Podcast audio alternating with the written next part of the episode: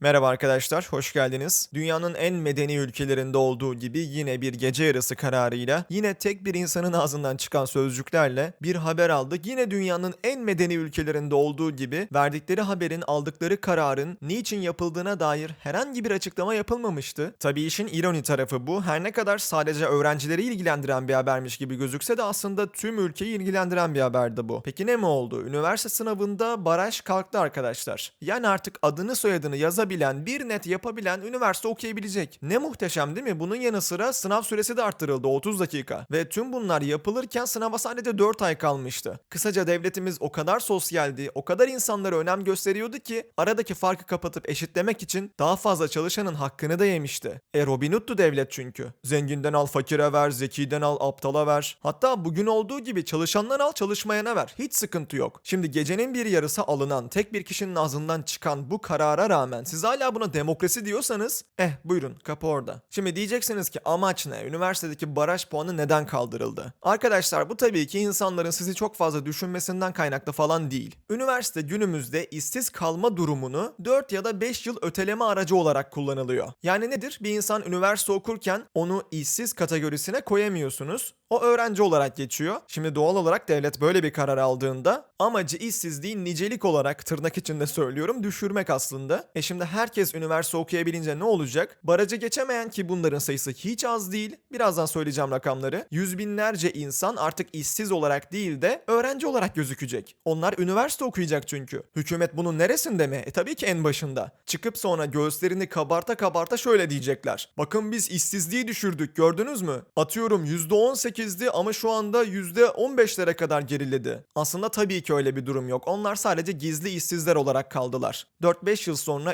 ülkeye çok daha fazla zarar verecekler. Şimdi bu karar neden önemli bir karar? Hükümetler bencildir, yaşamak isterler ve bazen ülkesindeki vatandaşını düşünmeden de bunu yaparlar. Hiç şüphe yok ki böyle bir karar 10-15 yıl gibi biraz daha uzun vadeli süreçlerde ülkeye çok daha fazla zarar verecek. Evet belki seçime kadar biraz daha böyle ülke toparlanabilir işsizlik anlamında. Tabi yalnızca sayısal verilerde bunları anlattık. Üstü kapalı işsizler olacaklar. Ama devamı tam bir felaket. Şimdi söylüyorum sizlere %32 arkadaşlar. Geçtiğimiz sınavlarda barajı geçemeyen ortalama insan sayısı. Neredeyse üçte biri yani. Bu inanılmaz bir rakam ve bunların hepsinin şu anda isim soyisim yazarak üniversite okuyabileceğini hayal edin. Arkadaşlar boş hayallere kapılmayın lütfen. Hümanist olacağım derken sıçmayın. Okumak herkesin hakkı falan değildir. En azından üniversiteden bahsediyorum. Belli bir yetkinliği olan insanların okuması gerekir ki sonrasında vatanına milletine bu alanda faydalı bir insan olabilsin. Ya herkes doktor, mühendis, mimar olursa Araba tamircisi kim olacak? Sokakları kim temizleyecek? Garson kim olacak? Çilingir, otobüs şoförü bu gibi meslekler. İnanılmaz büyük bir alanı kapsamıyor mu şu anda Amerika bu meslekleri yapabilsin diye insanlar ya da gençler her neyse. Work and Travel gibi uygulamalar çıkarmadılar mı? E çıkardılar demek ki herkesin okuması gerekmiyormuş. Çünkü okumak bir yetkinlik işidir ve herkesin farklı alanlarda yetkinlikleri vardır. Yani buradaki asıl amaç herkes okusun, herkes bir şeyler öğrensin falan değil. Bunu anlatmaya çalışıyorum. Olay, karar tamamen politik, tamamen siyasi. Yani öyle bir şey ki bundan sadece 4 sene sonra bir Türkçe neti yapıp sonrasında ben işsiz kaldım diye ağlayan insanlar görebileceksiniz. O baraj önce düşürüldü, bir şeyler yapıldı. Belki de sinyalleri verildi. Çok bir fikrim yok ama büyük bir çoğunluk geçiyor diye onu aşağılamak yanlış olur. Çünkü dediğim gibi aslında bayağı gerekli bir şey. Bu biraz da şeyden kaynaklı alınmış bir karar. Üniversitedeki kontenjanların büyük bir çoğunluğu dolmadı geçtiğimiz senelerde. Bunun nedeni de üniversitelerin ciddi anlamda itibarlarının düşmesiydi. Yani eskiden Ağrı'da yaşayan bir insan atıyorum İstanbul'da üniversite kazanan öğrencisini ileride bize bakar çok büyük paralar kazanır bir meslek sahibi olur inancıyla İstanbul'a yollayabiliyordu. Sonrasında o çocuk da okuyup gerçekten de güzel paralar kazanıp ailesine bakabiliyordu. Ancak bugün öyle bir itibar kalmadı. Doğal olarak Ağrı'da olan çocuk İstanbul'a gelmedi. Üniversitelerin bir ağırlığı kalmamıştı ki. Ama şimdi bilmiyorum Ağrı'da bir üniversite var mı ama sadece örneklendirme yapıyorum. İstanbul'da üniversite kazanmasına gerek kalmayacak. Yakınlardaki bir üniversiteye de gidebilecek ve